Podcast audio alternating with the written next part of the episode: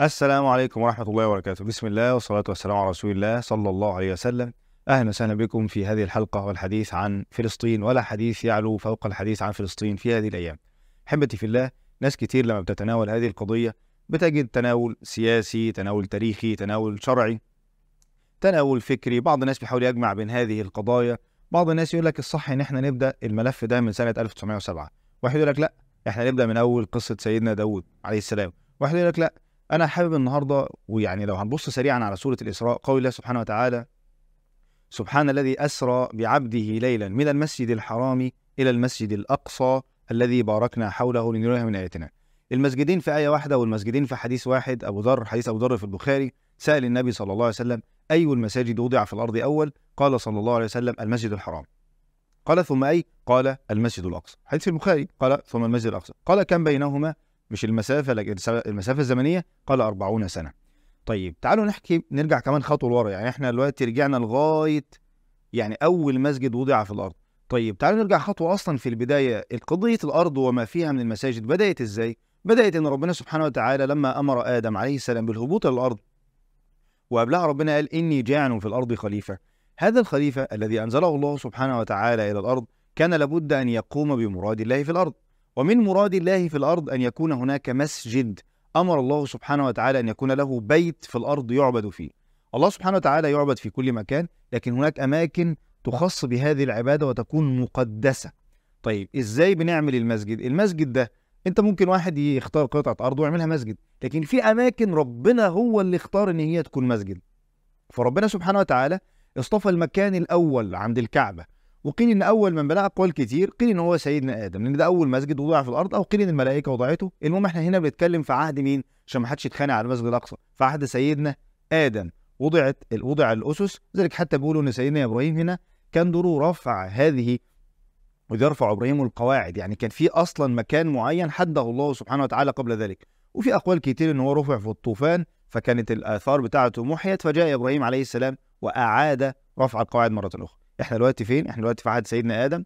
الله سبحانه وتعالى اختار أن يكون له مكانا في الأرض يعبد فيه مكان مقدس فكان اللي هو المسجد الحرام. ثم بعد أربعين سنة قيل أيضا أقوال كتير من اللي بناه.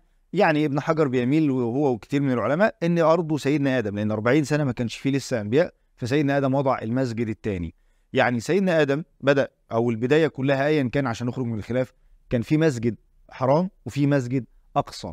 بعد كده تمر الأيام وبعد كده يجي بعد كده سيدنا إبراهيم ويكون له ابن اسمه إسماعيل عليه السلام يكون عند الكعبة ويكون سيدنا إسحاق في الشام. وبعد كده يجي من نسل إسحاق عليه السلام مجموعة من الأنبياء وسيدنا يعقوب اللي هو إسرائيل ويجي مجموعة بني إسرائيل اللي بيستقروا أكتر في منطقة الشام ويروحوا مصر ويرجعوا تاني لمنطقة الشام. ويكون سيدنا إسماعيل عايزك ما تتوهش مني في اللي إحنا بنتكلم فيه ويكون سيدنا إسماعيل موجود فين؟ موجود عند الكعبة. تمام كده؟ طيب تعالوا نقرأ الآيات سبحان الذي أسرى بعبده ليلا من المسجد الحرام إلى المسجد الأقصى الذي باركنا حوله ونريه من آياتنا. إنه هو السميع البصير. ركز. أتينا موسى الكتاب وجعلناه هدى لبني إسرائيل. ألا تتخذوا من دوني وكيلا؟ ذرية من حملنا مع نوح. إنه كان عبدا شكورا. ربنا ذكر بعد قصة الإسراء من المسجد الحرام للمسجد الأقصى ذكر حدثين مهمين جدا في التاريخ. ولما نقول التاريخ بنقول التاريخ بمفهومنا إحنا المسلمين. التاريخ كله اللي, اللي المحور فيه تاريخ الأنبياء. تيجي تقرأ في كتب التاريخ الأفكار ما تلاقيش موجود الأنبياء. هنا بتكلم عن تاريخ الأنبياء. ربنا ذكر حدثين مهمين جدا. لحظة إيتاء الكتاب لسيدنا موسى. ليه دي مهمة هنقول دلوقتي؟ ربنا بيقول في سورة القصص ولقد آتينا موسى الكتاب من بعد ما أهلكنا القرون الأولى بصائر للناس. ليه ربنا قال إن إيتاء الكتاب كان بعد إهلاك القرون؟ هنقول إن شاء الله. يبقى ربنا ذكر حدثين مهمين بعد الإسراء. إيتاء الكتاب لموسى وإنقاذ نوح عليه السلام من الغرق في السفينة. ليه ربنا ذكر الحدثين دول؟ أسباب كتير والله أعلى وأعلم الحدثين دول عندنا. لما تيجي تقرأ في القرآن تجد إن في قصص الانبياء كتير جدا. لكن معظم الأنبياء إن ربنا بيذكر جاء لاقوام نبي هذا النبي بلغهم رسالة الله سبحانه وتعالى أعرضوا عنه فأهلك الله المعرضين. احفظ الكلمة دي. أهلك الله المعرضين. ثم يأتي نبي يبلغهم رسالة الله فيعرضون فيهلك الله المعرضين. إلى أن جاءت هذه اللحظة المفصلية في كل التاريخ لحظة إيتاء الكتاب لسيدنا موسى. من بعد هذه اللحظة لم يعد هناك إهلاك عام للأمم إلا عذاب خاص له أسباب اللي هو ما مسخ القرى ده وده استثني حتى في بعض الآثار. يبقى إحنا عندنا في مفصل في التاريخ كده من أول سيدنا آدم لغاية قيام الساعة في نقطة كده لو إحنا هنعمل خط في نقطة مفصلية لحظة إيتاء الكتاب لموسى عليه السلام. ال- إيه المفصل في كده؟ المفصل في كده إن قبل كده كان المعارضين يهلكهم الله سبحانه وتعالى اهلاكا عاما. طب وبعد كده إيه اللي هيحصل؟ لا بعد كده أنتوا تجاهدوا. نزلت التوراة فيها الأحكام والفروض والجهاد.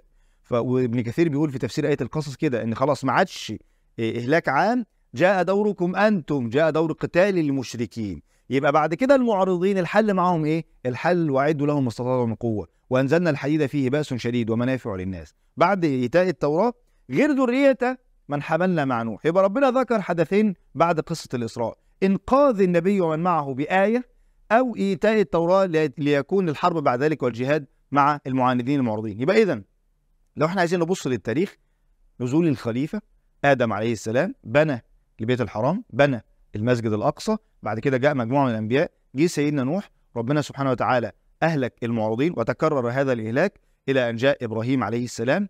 أيضا ذهب إلى الشام وذهب إلى ال- الكعبة وضع إسماعيل هناك ورفع القواعد مع إسماعيل عليه السلام ثم استمر نسل بنو إسرائيل إلى أن جاء خلاص آخر نبي ثم بعد ذلك انتقل ال- الخط الوراثة إلى بني إسماعيل اللي هو النبي صلى الله عليه وسلم محمد صلى الله عليه وسلم. يبقى من نسل إبراهيم عندنا خط إسحاق وخط إسماعيل. لذلك هم بينكروا دايما الكعبة. إحنا بنثبت الكعبة وبنسجد المسجد الأقصى.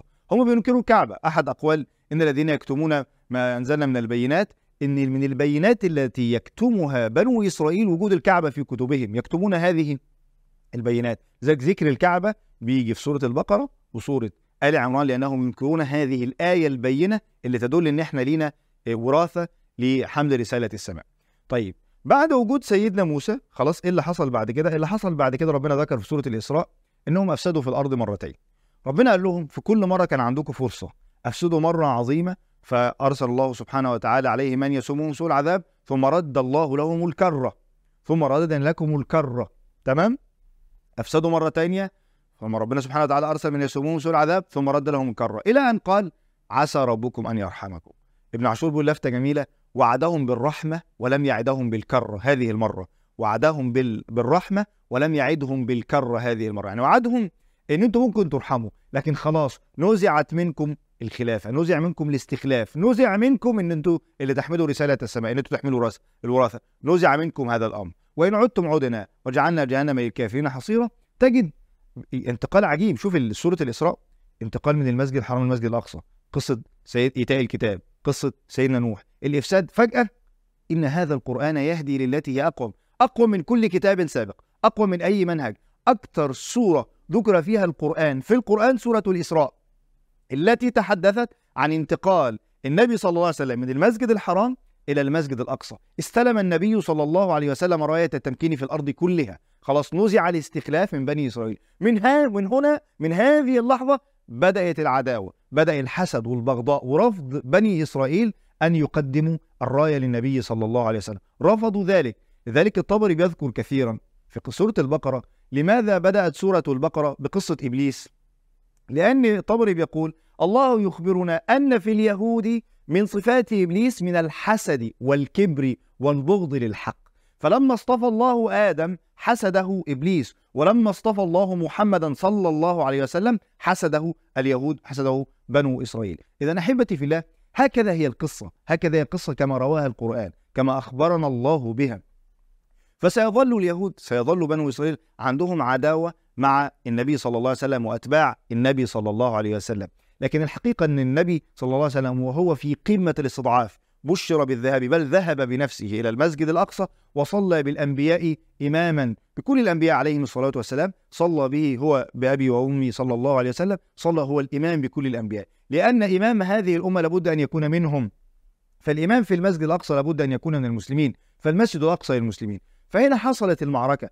بعيدا عن النقاشات التاريخية والسياسية لمن أراد أن يستفيض ويقرأ وكيف نشأت الدولة الحديثة وهذه الأمور أمر مهم للإنسان يكون واعي بهذه القضية. لكن الانسان لما يرجع إلى الطريقة القرآنية في عرض القضايا لابد أن يكون عنده نظرة علوية ينظر بها إلى الأحداث. فالخلاف ليس مجرد أرض وليس مجرد بحث عن وطن يذهبون إليه الخلاف في الأصل عقدي. لذلك تجد في سورة الإسراء ختمت وبالحق أنزلناه وبالحق نزل. الخلاف من الذي يملك الحق؟ المسلمون يقولون نحن نملك الحق واليهود يقولون نحن نملك الحق. فهذا الخلاف هو خلاف ما هو الحق من الكلمات التي تكررت؟ ولابد أن يبحث عنها الإنسان في القرآن الحق. فالمسلم هو الذي يملك الحق الأوحد الآن والذي يملك رسالة السماء التي لم تحرف بفضل الله سبحانه وتعالى. إذا أحبتي في الله الأمر سيكون مستمر. ارجع واقرأ قصة الإسراء مرة أخرى في سورة الإسراء. هتفاجأ أن بعد إن هذا القرآن ذكر أن الله سبحانه وتعالى يقول كان الإنسان عجولا الذين يتعجلون النصر ذكر أن الله سبحانه وتعالى يبدل بين الليل والنهار في تمكين وفي استضعاف. ذكر سنن الله في التمكين وإذا أردنا أن نهلك قرية أمرنا مترفيها. ذكر الذين يريدون العاجلة ذكر لمن يريدون الآخرة ثم الوصايا اللي متفق عليها أصلا. فنحن لم نأتي لنحرف الأديان نحن امتداد الأديان لكن نحن الامتداد الحقيقي الأوحد الثابت. أسأل الله سبحانه وتعالى أن يستعملنا في هذه المعركة. المعركة متعددة الأوجه معركة على الأرض معركة عقدية معركة في الدعوة معركة في نشر الحق معركة في تبيين هذه الحق. أسأل الله سبحانه وتعالى أن ينصر إخواننا المجاهدين وأن يستعملني في نصرة الإسلام. سبحانك اللهم وبحمدك أشهد أن أنت أستغفرك وأتوب إليك. والسلام عليكم ورحمة الله وبركاته.